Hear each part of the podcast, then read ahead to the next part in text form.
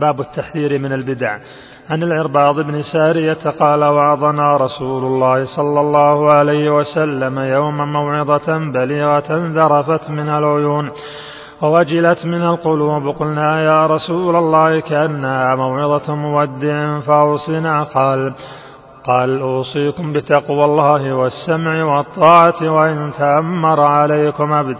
وإنه من يعش منكم فسيرى اختلافا كثيرا فعليكم بسنتي وسنة الخلفاء الراشدين المهديين. وإياكم محدثات الأمور فإن كل بدعة ضلالة. قال الترمذي هذا حديث حسن صحيح.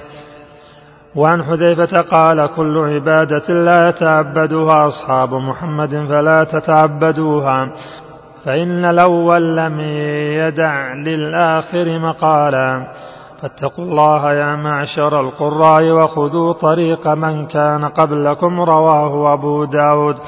وقال الدارمي أخبرنا الحكم بن المبارك قال أنبانا عمر بن يحيى قال سمعت أبي يحدث عن أبيه قال كنا نجلس على باب عبد الله بن مسعود رضي الله عنه قبل صلاة الغداء.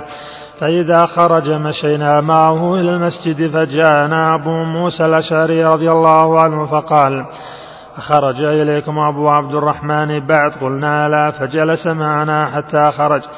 فلما خرج قمنا إليه جميعا فقال له أبو موسى يا أبا عبد الرحمن إني رأيت في المسجد آنفا أمرا أنكرته ولم أر والحمد لله إلا خيرا. قال فما هو؟ قال إن عشت فستراه. قال رأيت في المسجد قوما حلقا جلوسا ينتظرون الصلاة. في كل حلقة رجل وفي أيديهم حصى فيقول كبروا مئة فيكبرون مئة. فيقول هللوا مئة. فيقول فيقول سبحوا مئة. فيسبحون مئة. قال فماذا قلتم لهم؟ قال ما قلت لهم شيئا. انتظار رأيك أو انتظار أمرك. قال أفلا أمرتهم أن يعدوا سيئاتهم وضمنت لهم ألا يضيع من حسناتهم شيء ثم مضى ثم مضى ومضينا معه حتى أتى حلقة من تلك الحلق فوقف عليهم فقال ما هذا الذي أراكم تصنعون؟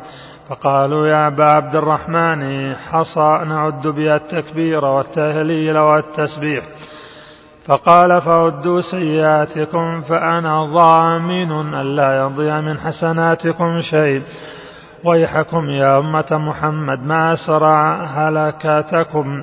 هؤلاء صحابة محمد صلى الله عليه وسلم متوافرون. وهذه ثيابه لم تبل وآنيته لم تكسر. والذي نفسي بيده إنكم لعلى ملة هي أهدى من ملة محمد. أو مفتتحوا باب ضلالة.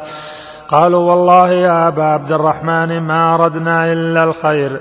قال وكم من مريد للخير لن يصيبه. إن رسول الله صلى الله عليه وسلم حدثنا أن قوما يقرؤون القرآن لا يجاوز تراقيهم وأيم الله لعل أكثرهم منكم ثم تولى عنهم فقال عمرو بن سلمة فقال عمرو بن سلمة رأينا عامة أولئك الحلق يطاعنوننا يوم النهروان مع الخوارج.